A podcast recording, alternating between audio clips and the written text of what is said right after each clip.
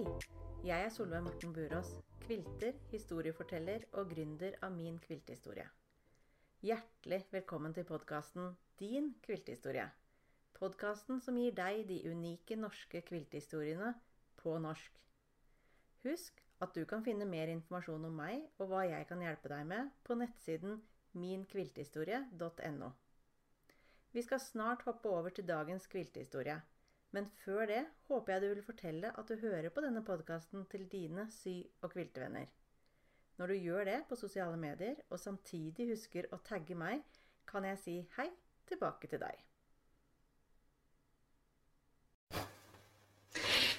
Dagens gjest og historieforteller er Wenche Wolff Hatling. Wenche er kjent på mange i kviltemiljøet. Noen kjenner henne som designer, andre som redaktør eller butikkeier. Jeg har også sett spor etter en viking, en isbader og bokstavelig talt ei hønemor. Men dagens episode handler mest om den kreative, idérike, energiske og dyktige kvilteren. Tusen takk for at du ville komme hit og dele din historie. Tusen takk for forespørselen. Veldig hyggelig å være her. Nå ble jeg litt sånn flirfull, som vi sier på trøndersk. Både isbading og hønemor, da, det er litt humor over det. Så bra, så bra. Uh, har du lyst til å starte med å fortelle litt mer om hvem du er? Ja, det kan jeg gjøre.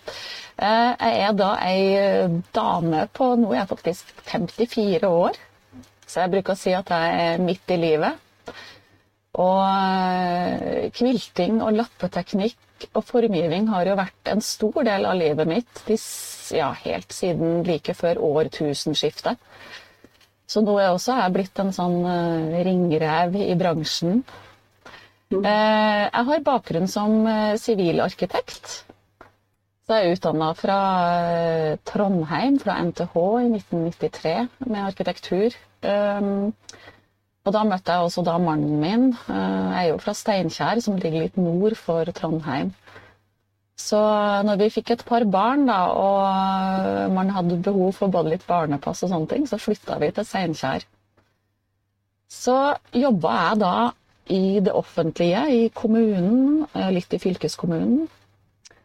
Og så fikk jeg Skal vi se, jeg fikk det var en historie med et sykt barn, så det ligger jo i historien til mange av oss. Livet skjer. Mm.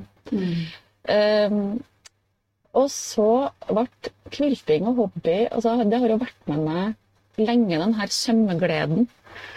Fra 4H, hvor jeg var med som barn, og man starta med, med, strikking og hekling, og man hadde litt forskjellige hobbyer. Fascinasjon over en symaskin. Så som travel småbarnsmor så var det å kunne sette seg ved siden av symaskinen og la tankene flyte og holde på med håndarbeidet, var en litt sånn måte å roe ned på. Det var de timene jeg hadde produktivt med mitt eget arbeid, noen ting for meg sjøl. Mm. Så sånn starta det. Eh. Og så har jeg da en mann som er eh, dataingeniør. Så i ja, rundt år 2000 så begynte Eller jeg oppdaga da med den her sømmen altså jeg hadde, Bakgrunnen er egentlig at jeg hadde et par flinke tanter. Tantene mine gikk på eh, lappeteknikkurs i slutten på 90-tallet. Og så hadde vi familieselskaper, og så kunne jeg se at de produserte puter og noen tepper og veggtepper og sydd noen sånne fine poser til å ha leker og Lego i. Mm. Um, og kaffeposer. Um, og så tenkte jeg at oi, det her er gøy. Kanskje jeg òg kan prøve litt sånn lappeteknikk. Og lånte et par bøker på biblioteket og satte i gang. Og så kan man jo si hva man vil om de første resultatene. De er så som så. Men men det var altså en sånn uh, kreativ glede over det. Uh, og så oppdaga jeg at det som også er gøy, da, uh, når jeg satt og designa ting på egen hånd, var jo også at jeg vil lage mine egne mønster. Mm. Så jeg tegna en del tepper selv, og så kom tanta mi til meg og sa Du, har du mønsteret på det her? Den her vil jeg også sy. Og så tenkte jeg at oi, Kan man lage mønster? Kan andre være interessert i å sy det som jeg syr, eller det jeg som lager? Og da tenkte jeg at ja, jeg kan drive med litt mønsterdesign. Kanskje kan jeg ha en liten nettbutikk. Um, og så fikk jeg et anfall av stormannsgalskap, og så tenkte jeg at jeg kan bli stor i USA. Så da valgte jeg navnet Northern Quilts. Ja. Så det er på en måte starten. Ikke sant. Uh, det var mye, og det var, det var uh, veldig spennende. Og, og, men det går jeg synes, uh, vi, skal, vi, vi, kan hende vi kanskje toucher innom igjen litt grann av det, hvor jeg graver litt, eller spør litt mer. Men veldig spennende og um, veldig morsomt at du um, forteller om tantene dine. Så mm. da var det på en måte de som lærte deg å sy, da? Eller kvilte? Nei, de var, de var mer på eh, mitt lag. Ja. På en måte. Jeg hadde en, en, mamma som var veldig flink. Hun strikka bestandig, da. Mm. Så det her var en sånn eh, hobby vi delte sammen. Men sømmen, der var det kanskje Jeg hadde bestemor som var veldig flink til å sy.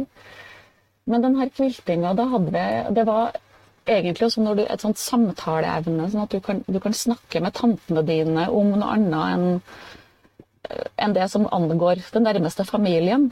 Sant? Ja. Det ble et sånt fellesområde. Og så fikk jeg være med inn på syrommet til tantene mine og så liksom se på hva de hadde av stoff. Og hvordan de jobba. Og så fikk jeg introduksjon til inch. Ja. Og det var jo en, en, ja, en oppdagelse. For jeg tenkte jo da min, med min arkitektbakgrunn at hallo, vi har jo centimeter. Ja. Hvorfor skal vi sy med inch? Ja. Og det var det da eh, min tante Elbjørg som kunne fortelle meg at jo da, man sydde med inch. Og det var, det var veldig nyttig, og det var en, liksom en helt, helt, ny verden, da. Ja. Og du tok den til deg, eller du på en måte konverterte til inch? Ja, da, ja, med en gang. Og da, da, skjønte jeg jo at ok, da må man skaffe seg litt ordentlig utstyr. Så da var det innkjøp av uh, gode linjaler Eh, da kasta jeg den der centimeterlinjalen som jeg hadde kjøpt først. Mm. Og så kikka jeg Det kom jo en veldig mange altså det var mange flinke norske kviltere som laga kviltebøker sånn på tidlig 2000-tallet. Uh, eh, husker jeg ikke navnet, men kanskje Lise Bergene. Det var, det var mm. mange. Uh, og de var nok kanskje prega av, av, det utvalget som fantes med stoffvalg og farger og sånn, men det var en, mm veldig inspirerende å se de her bøkene, altså den idérikdommen som man kan mm. hente inspirasjon fra. Mm. Ikke sant. Hvis vi dukker litt mer inn i det, eh, det med inspirasjon. Mm. Hvor er det Altså, du, du har jo da starta jo ganske tidlig du da med å være mønsterdesigner. Mm. Uh, jeg har og, noen og tyve års jubileum, jeg. Tenk det. Men, men, husker du det første mønsteret du lagde eller solgte, da, hvis det går an å si det? Nei, jeg vet ikke om jeg husker de første. Jeg husker at jeg prøvde meg på en god del blokker. Ja. Um, og testa ut en god del blokker og tegna selv. Og så var det jo selvfølgelig også litt med, med sømmål og teknikk og ikke alt som var helt vellykka. Mm. Um, men jeg, tenk, jeg laga en del sånne litt morsomme ting. Altså, in, hele holdningen min til lappeteknikk og design har jo vært at det skal være Det skal gi en glede, da. Mm. Eh, så jeg har aldri jobba med kunstkvilt eller altså litt sånn det, det, har bestandig vært Det skal være litt humor over det. Det er litt lett. Og så skal det være tilgjengelig. Og hvis, folk, hvis jeg kan vise fram noen ting som jeg har sydd, og folk smiler litt, så tenker jeg at ja, da har jeg, da har jeg lykkes i å gi en glede. Så, så har jeg bl.a. sydd Litt sånn tidlig så sydde jeg noen sånne høneblokker og kyllingblokker og litt sånn morsomt. Med et litt hus på toppen. Og, ja. og så lager jeg et sjakkteppe, og da prøvde jeg vel også til Og det tror jeg også sto tidlig, tidlig i Kviltemagasinet. Så da prøvde jeg liksom å gjøre litt, uh, gjøre litt, penger på det her, da. Eller liksom se det er en andre som kan være interessert i det jeg gjør. Men, men når du da eh, altså du har, Det jeg også ser, da, er at i mønstrene dine så har du, en, har du et bredt spekter av teknikker. Du, er sånn, du bruker ikke bare blokker eller bare mm, broderi, eller er du, Men har du noen favoritter, eller er dette helt bevisst fra din side at du velger ulike teknikker? Nei, hvis, nei, jeg velger nok ikke hvis Jeg tar det som jeg har lyst til å lage. Ja. Eh, og det er, når du sier det, så ser jeg jo at det er en, det er jo en variasjon over teknikk. Eh, og kanskje er det mer at man, man veksler mellom altså Det er den forskjelligheten, det at man kan gjøre veksle mellom forskjellige teknikker. Da. Det syns jeg også er fascinerende. Du kan sy noe enkelt. Du kan jobbe med kvadrater. Du kan jobbe med papirsøm. Um, og så kom det her med, med broderi, da. Det nevner du jo. Og der skal jeg jo ta Det her er jo mitt bidrag til um, det norske språket. Ja. Og det er broderusk. Mm. Og det kom fordi jeg, tror, jeg, jeg meldte meg inn i kviltelaget i Steinkjer. Veldig koselig gjeng. Og der fant jeg et sånt fellesskap med folk som var like gærne i lappeteknikk som det jeg var. Og så så jeg en del av de her amerikanske mønstrene som var øh, Det var litt sånn applikasjonsmønstre, og det var engelske tekster. Og så var det brodert, da. Mm. Veldig fine, morsomme ting, men det var jo på engelsk. Mm. Og så tenkte jeg at ja, men hallo, kan vi gjøre noe på norsk? Og da ble det Og hva, hva, kaller man et sånt lite broderi som altså Det er jo ikke hardangersøm, og det er jo ikke meninga at håndarbeidslærerinna di skal se og kritisere, kanskje, og at det skal være like pent på baksida. Altså. Nei, vi kaller det et broderusk. Lite og uhøytidelig og morsomt å sy. Så da begynte jeg å jobbe med det. Det som jeg tenker da når jeg ser de mønstrene dine med den norske teksten, det er også altså Vi omgir oss jo med veldig mange eh, utenlandske eller engelske tekster i de eh, da, som, de, som det da heter på utenlandsk. Mm. tenker Ja. går, går det ikke an bare å skrive det på norsk, sjøl om vi altså rett og slett bare For vi skriver det jo opp igjen, eller vi tegner av mønstre, men det er jo ikke noe i veien for at du kan gjøre om de enkle orda og begrepa til norsk i det man syr heller. Så det er, men, men det er vanskelig, kan det se ut som. Ja, det er vel også kanskje eh, Det er ikke bestandig lett å finne de gode ordene eller den gode oversettelsen. Nei. Eh, Men du kan jo tenke deg, i altså de senere årene nå så har det jo kommet det som heter geriljabroderi. Ja. Hvor, hvor eh, man broderer litt sånn korsting på kryss og tvers, og det er av og til litt, eh, litt frekke ting som kan broderes, og det syns jeg er kjempegøy. Um, så har jeg jo tenkt at uh, Jeg jo, var jo en som skulle lage et veldig Det er jo en idé som jeg har hatt lenge, og det er jo det å kunne lage et, et babyteppe. vet du. Man har de her søte, fine babyteppene. Krabbeteppe eller sånn pent. Og så broderer man navnet til babyen. Dato, navn. Og så på baksiden så skulle det stå i et hjørne så skulle det stå gulp. Ammetåke. Brystspreng. Ja. Sånne ting. Sånn, ja. sånn sannheten på baksiden. Ja. Den krise, den der første gulpinga på det krabbeteppet, liksom. ja, ja, ja, Altså, jeg, syns altså, humor skal være en del av det. Eh, Og den, den, den der gleden um, Ja. Og kanskje også litt sånn undringen. Altså, det skal være, jeg tenker kanskje at lappeteknikk skal være, det skal være en sånn gjenspeiling av livet, da. Også. Men den inspirasjonen, da, eller hvor er de inspirasjonskildene dine når du skal lage de mønstre? Altså, hva kommer først? Planen om at nå skal jeg lage et nytt mønster, eller er det inspirasjon som gjør at dette skal jeg lage et mønster av? Mm, ja, begge, begge deler, kanskje. Jeg tenker nok eh, Min inspirasjon kommer nok av og til både av, av det jeg ser eh, og leser, men også altså natur. Jeg har jo som sagt da høner i hagen. Jeg, hører, jeg, ser, jeg skjønner jo at du har sett litt på sånn Instagram-konto og hvordan man jobber med, med, hva man viser frem på sosiale medier, da. Mm. Jo en eh, bor i byen, men har høner i hagen. Um, men det kan, det kan, jo være altså, fra fine farger og fine stoffer. Sant? Og av og til så er jo en person som bestandig går rundt og har tusj og skissebok. Ja. Uh, og det har litt med at man er arvelig Nei, ikke arvelig belasta, men min far hadde bestandig det. sant? Og det har ligget liksom frem. Og som arkitekt så har man faktisk Det har jeg lært da, gjennom utdanning, at man skal gå rundt med tusj og skissebok. Ja. Og det gjør at man, selv om man sitter alene og tar en kopp kaffe, så kan man jo finne en, finne en inspirasjon. Og hvis man begynner å drodle litt, så plutselig dukker det opp um, en liten blokk da, med høne på. Mm -hmm. Det er kjempe, kjempespennende. Um,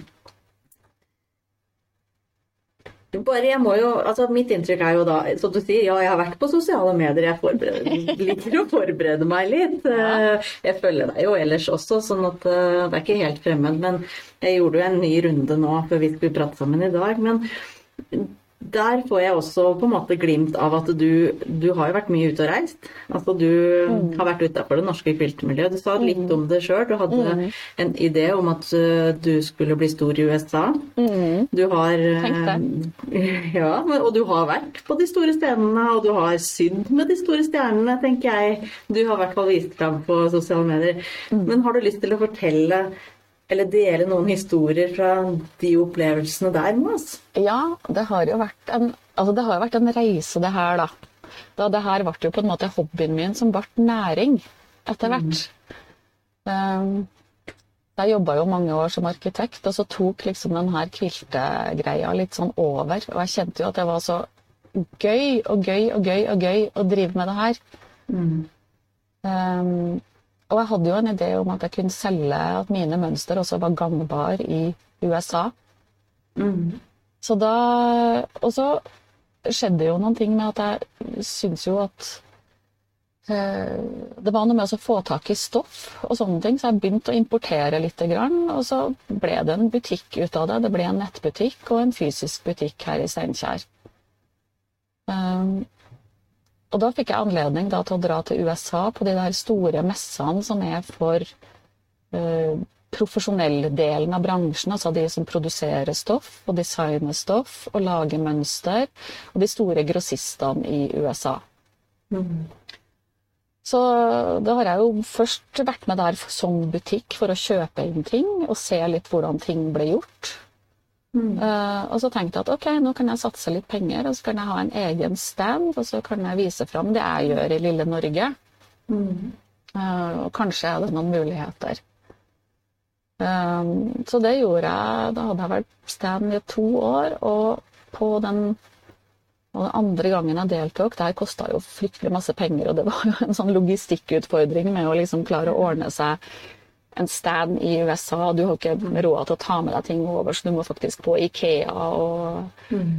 og få tak i ting. Eh, og Trikset er da faktisk at man tar Det er et sånt tips, da, hvis noen har lyst til å prøve det. Så må du, du må ta kontakt med den lokale kvilteforeninga i den byen hvor messa er. Og så må du presentere deg, og så må du si at ah, I need some help. Og da, vet du, da kommer det en mann, en ektemann, av lederen i foreninga, og han har en pickup. Og han er på service, uh, han er serviceinnstilt. Så da kan du få hjelp til å liksom kjøre til Ikea, og han er en liten handyman, og da kan du få hjelp til å henge opp ting på standen osv. Det, det her har jo ført til veldig mange koselige bekjentskap. Mm. Um, men jeg fikk da, var så heldig at jeg fikk uh, tegna, eller fikk kontakt med det japanske firmaet som heter Lesien, og så fikk jeg tegna en de hadde veldig lyst til at jeg skulle lage en, en nordisk julekolleksjon. Og den solgte uh, veldig bra, så da fikk jeg jobba med dem et par år. Og så fikk jeg også da kontakt med Moda etter et par år. Så jeg fikk tegna stoffkolleksjoner for Moda. Mm. Og det var veldig interessant, altså. Uh, både, og litt sånn utfordrende også, både designmessig og, og det å skjønne markedet og hva som vil selge. Men eh, det er masse trivelige folk. Det er det. Spennende. Mm. Spennende. Ja, da har du, da har du virkelig, vært, virkelig vært ute i den store verden, altså. Men eh, gjorde du deg da noen tanker om hva det var som var positivt, og hva som var på en måte de sterke sidene ved det norske kviltemiljøet? Eller det, er det noe vi bør være stolte av, eller som Ja. Jeg tenker jo at vi eh, vi, vi kanskje Jeg kan ikke si at vi har en sånn egen stil, men jeg, jeg tenker jo at kanskje Norden altså Det finnes jo mange, mange kulturer har jo hatt kvilting og battering inn i sin håndarbeidstradisjon. Eh, og det finner vi jo igjen altså helt ifra altså Kina har jo hatt sine, sin sømtradisjon hvor man hadde kvilta vester innafor uh, uniformen, annet fordi at uniformen skulle tåle å bli skutt på med piler. Så brukte de silkestoff. Fordi at det var, silkestoffet er veldig tett, sånn at pilspissen kom ikke så lett igjennom. Og det, også i, eh, så det, det, og det her er jo så interessant, den der historien som vi har med oss. Men i Norge så har vi jo kanskje ikke hatt Vi har jo ikke hatt noen bomullsindustri. Nei. Så vi har ikke med oss det her Det vi hadde av bomull og silkestoff, var jo importert fra Nederland og fra England. Um, mens i Norge så hadde vi kanskje ull og vadmel. altså Vi hadde de her litt sånn tunge ullstoffene, og så hadde vi hjemmevevde, stripete stoff. Så det vi fikk av sånne litt flotte silkestoff, det måtte vi importere. Mens USA har jo hatt sin eh, en helt Pga. klimaet så har de dyrka bomull, og de har hatt en bomullsindustri, og dermed også en sånn designindustri og noen ting som at altså bomullsproduksjonen og kviltinga og lappeteknikken oppfatter nok veldig den, altså de oppfatter det som veldig amerikansk. Mens vi i Norge har liksom fått det her gjennom ja, kanskje 100 år med, med annet med utvandring. Og det at folk utvandra til USA og fikk antagelig kontakt og så hvordan uh, ting ble gjort. Og så kom de, noen kom jo tilbake igjen til Norge og hadde med seg lappetepper. Um, og kunne vise fram, sånn, sånn at de ble påvirka. Noen fikk kanskje tilsendt stoffer derifra. Så vi, vi er kanskje litt sånn Jeg tenker kanskje at Norge er litt Vi er litt, kanskje litt ny innenfor Unge? denne historien. ja, unge? Unge. Ja. Det var, en, det var en veldig fin måte å si det på. ja. At vi ikke og, Men det gjør oss også friere. Ikke sånn? Ja. Altså, jeg tenker, for jeg tenker av og til at amerikanere er veldig eh, ikke bundet i tradisjonen, men de har med seg et tradisjonsbilde som vi ikke har. Ja. Um, ja, og, hvor- og, hvor- jeg var, ja. Mm. jeg var, jeg var også i USA en gang, har jeg vært i USA, og på, i Houston på Quilt eh, Festival var jeg på da. Uh, og da, et av de spørsmåla som gjentok seg ifra de Altså jeg oppsøkte jo folk og prøvde å snakke med flest mulig, men da, det var ja, hva er det du gjør? Ikke sant? Hvilken teknikk er det du eh, syr? Og når jeg da svarer at eh, nei, jeg syr litt engelsk papirsøm, og så syr jeg litt eh, blokker Altså, jeg tenker at vi, vi bruker flere teknikker. Men, Og det var for dem var det nesten uhørt. Ja, men at Ja. det liksom ikke gikk an, på en måte. Ja. Så vi har et større spekter, på en måte, for at vi, vi er Vi er kanskje ikke Kanskje vi er litt uhøytidelige, da. Vi er ikke så redd for å prøve nye ting. Nei.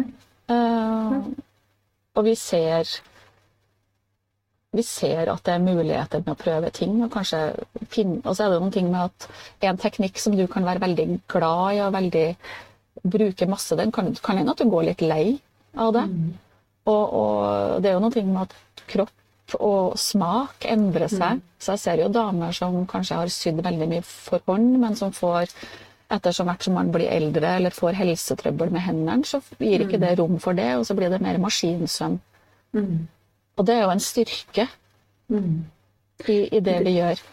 Ikke sant? Også det at eh, du som mønsterdesigner, men også de andre norske mønsterdesignerne, dere, dere leverer jo på flere teknikker. Mm. Flere, eh, mange av dere, tenker jeg. Mm. så det er nok eh, Det er kanskje jeg, jeg har liksom leita litt etter hva er det som er det, hva er det norske i det her. Men jeg syns du sier det veldig fint når du sier at vi er litt unge, rett og slett. Mm. Um, Og kanskje det med å være litt ung gir oss et annet handlingsrom mm, innenfor denne, denne hobbyen. mm. Gå litt videre på det med, med kvilthistorien. Og så på en måte tenke Har du en favorittkvilt eller et favorittlappeteppe som du sjøl har sydd? Jeg har mange. Jeg har mange. Jeg har veldig, veldig mange kvilter. og det, var, jeg ble, det er faktisk øh, veldig morsomt at du spør om det, for jeg ble invitert øh, nå faktisk i høst til Trondheim kviltelag for å holde et, øh, et foredrag om, om min reise gjennom kvilting. Og da begynte jeg å, så tenkte jeg oi, ja, kanskje jeg må liksom vise fram et spekter da, av det man har sydd. Um, så da begynte jeg å lete litt i, både i huset og det som sto på butikken, og det som hang på veggene som utstilling. Uh, og da dukker det opp masse, vet du, som, og den har jeg laga, og der er den! Den har jeg også laga. Oi! Ja, den ble aldri noen suksess, men den liker jeg godt. og, det var, og, det er, eh, og det er masse forskjellig, og det er liksom masse forskjellige farger og eh, forskjellige stoffer. Du kan kanskje lese historien ut av det man har sydd, da. Eh, Men om det er om noen favoritter Ja, jeg vet ikke. Jeg fikk en favoritt i dag. Det skal jeg fortelle om, for det har jeg nettopp uh, posta. For det var Det er da Det her er egentlig en fantastisk historie. Nå skal vi gå inn på det med gjenbruk. Ja. Ja, det er gøy, vet du. Mhm. Fordi at når jeg starta å sy, da, når vi liksom på sent eh, 1990, vi like før år 2000, sant. Uh, og så var man jo litt uerfaren, og jeg hadde en sånn tanke om at man skulle bruke det man hadde. For jeg syns jo da faktisk sånn at det var litt dyrt med, med stoff. Eh, og så skjønte jeg vel ikke helt heller hvilke stoffer som passa til teknikken man hadde valgt seg. Så jeg har da faktisk sydd et lappeteppe av klær. Og det var Når jeg ser de stoffene, så er det da de vanskelige stoffene. Det er stretchy, syntetisk fløyel, speilfløyelkjole, et par sånne barnekjoler i sånn nervøs rød julefløyel, sant? Du kjenner Ja.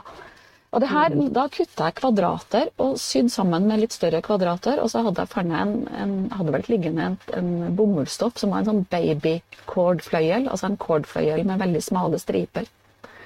Så det ble brukt som bakstykke og som kant. Og så ingen vatt inni. Eh, og jeg kjente heller ikke tre overtransportør, så jeg sikksakka jo gjennom det her da, som et sånt overbredsel. Veldig fargerikt.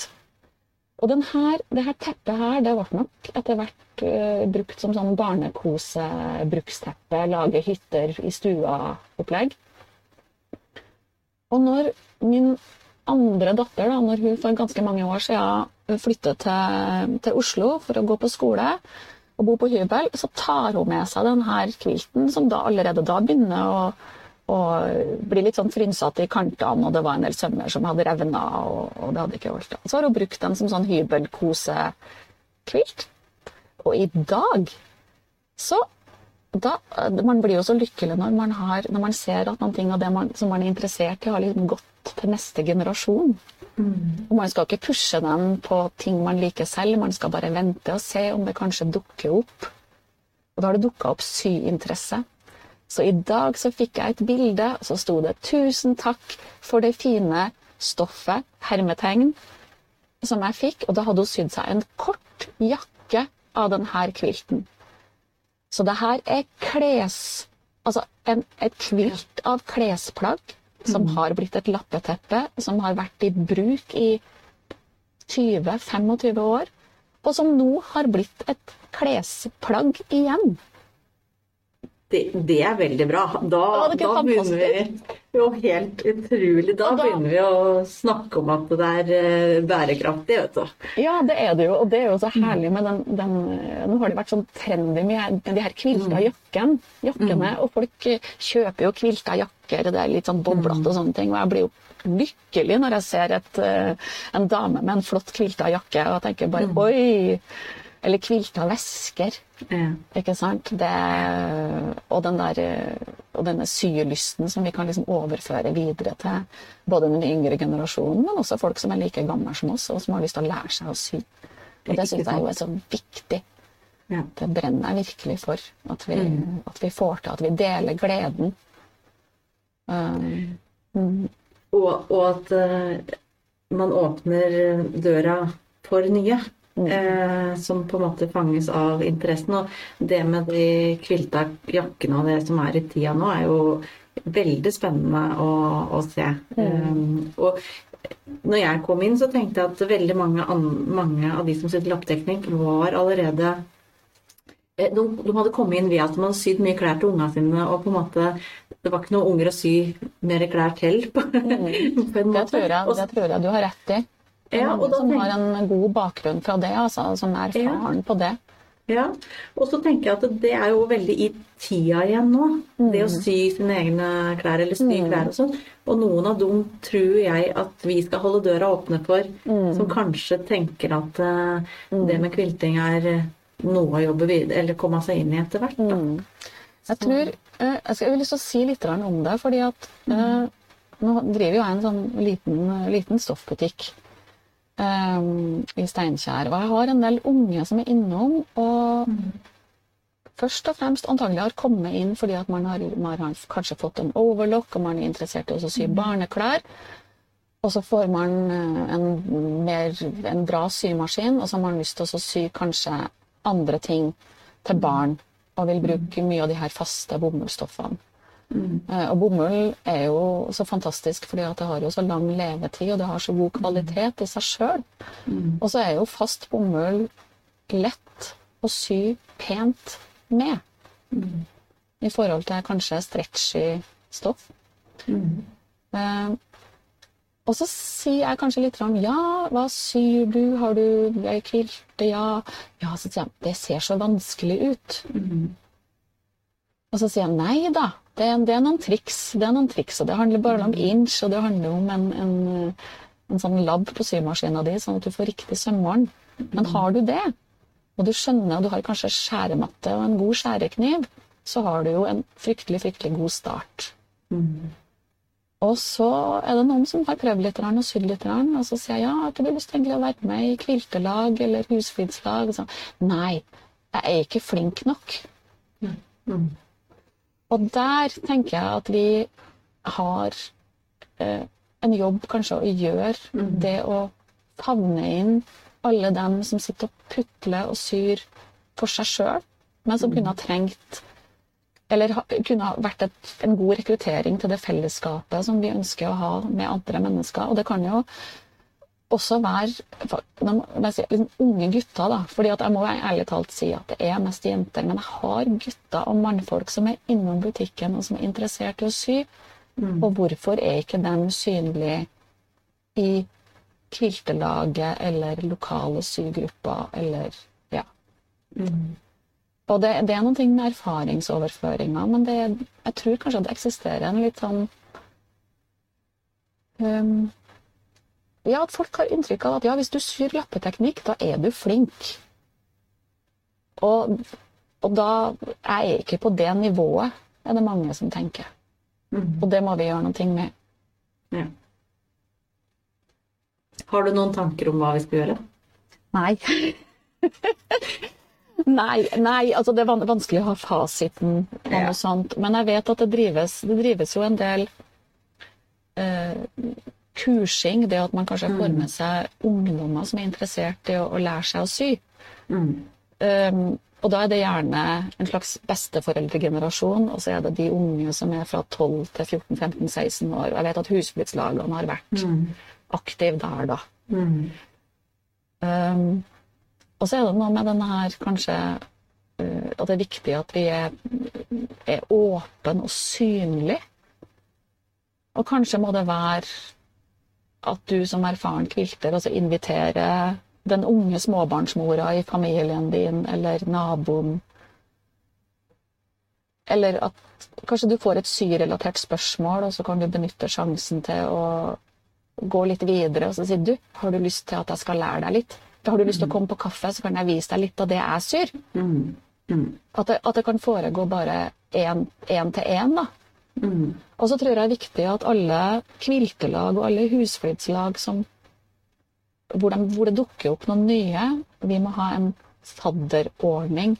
Eller at noen faktisk ser den nye personen og får i oppdrag i å være fadder, sånn at vedkommende finner seg godt til rette Mm. i laget.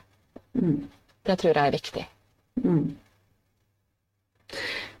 Ja, det, det syns jeg er gode, gode råd som vi kan eh, ta med oss alle vi som sitter ute i de ulike kviltlagene våre. Og så tror jeg også på veldig mange andre områder så er jo den digitale utviklinga vært enorm. Så jeg Mm. syns jo bare det at Sånn som du har de der systundene med Wenche på Facebook. Det at du gir litt kunnskap, det at du deler verdi og gir kunnskap der, det tenker jeg er veldig, veldig bra, da. For da kan man på en måte jobbe videre på det, og man kan lære noe. Så Det er jo veldig, det er veldig mye som er tilgjengelig sant? via både YouTube og på masse på Facebook. over at det skal så kan man bli nesten litt sånn overvelda. Mm, Det er mange som setter seg ned og så ser man litt, og så har det gått to timer, og du har fremdeles bare og så ser på at andre syr. Og så har du ikke sydd noen ting sjøl. nei. Tida bare går. Men jeg, jeg vil, Spørsmålet er jo om Ja. ja, nei, jeg vil bare si noen ting om det her med det å være eh, Jeg skal si en ting om, om standard og perfeksjonisme. ja. Ja. Fordi, eh, og det har jeg jo oppdaga, at veldig mange av dem som jeg kjenner, er veldig, veldig flinke. Og som, når du har holdt på i mange år, så blir du veldig, veldig flink. Du blir nøye, og du øh, Hvis du broderer, så blir stingene dine penere og penere, sant? Og jeg har tenkt at det viktigste for meg er faktisk å få ting ferdig. Så den der, det er et eller annet engelsk uttrykk som heter 'better finished than perfect'. Det er bedre at det er noe som er ferdig, enn at det er perfekt. Og av og til hvis jeg ser fine ting og sier 'Å, det var en fin løper'. Ja, men det ble feil på baksiden. Og så snur man, og så ser man på baksiden. Sant? Du kjenner til det. 'Å, så fin genser'. Ja, men jeg strikka feil. Så det første som kommer, er en sånn nedvurdering av eget arbeid. Og det må vi slutte med. Vi må si takk. Det syns jeg også. Jeg er veldig fornøyd med den. Ikke si noen ting om feil som du bare ser selv. Nei. Det er ingen andre som ser det, nemlig. Nei.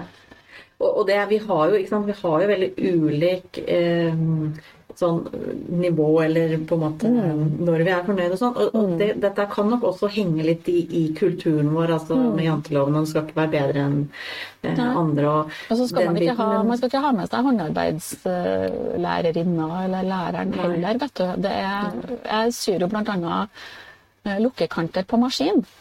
Og det har vært litt sånn Oi, sier folk da. Oi, gjør du det? Ja, sier jeg. Okay. Av og til så har jeg hatt en deadline på et arbeid jeg skal levere, eller et design som skal være ferdig. Og da har jeg ikke tida til å sitte og sy åtte meter lukkekant for hånd. Og så har man jo da sydd hele teppet på maskin før. Man har kvilta på maskin. Eh, og når, men når det kommer til lukkekanten, så skal man sitte og sy den for hånd? Nei. Det gidder jeg ikke. Da syr jeg den på maskin med min teknikk. Og den kan jeg gjerne vise deg, og jeg kan lære det bort.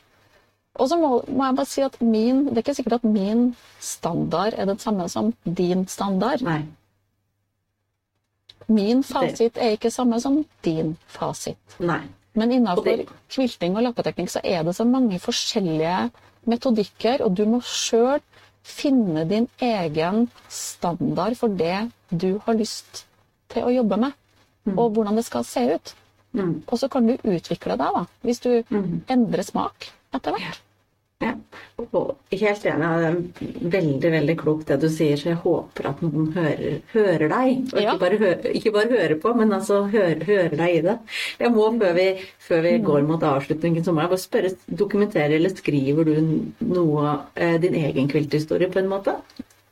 Jeg er litt dårlig til det. Jeg er litt dårlig til det. Ja, han skal innrømme at jeg liksom svikter. Jeg har jo tenkt av og til at oi, den her uh, burde jeg skrive noe. Det jeg har blitt flinkere til etter hvert, det er jo faktisk å eh, det er jo noe med at man, altså De amerikanerne har jo hatt en sånn man kan vise man har en sånn quilt-label, en sånn merkelapp som yeah. man kan sy fast på baksiden av quilten sin. og det har vært en sånn, ja, Du må dokumentere hva du har gjort. og og sånn. Og så har jeg vært litt dårlig fordi at jeg har tenkt at jeg har huska når jeg har sydd det. Og når man har holdt på i mange år, så gjør man husker jo ikke når man har sydd ting. Så det er viktig, viktig det du sier der. Men jeg har faktisk en, en del av de kviltene som har vært med meg til USA, der sto det faktisk en, hadde jeg stifta en papirmerkelapp på baksida. Ja. For å huske at det, altså denne kvilten tilhører sånn og sånn.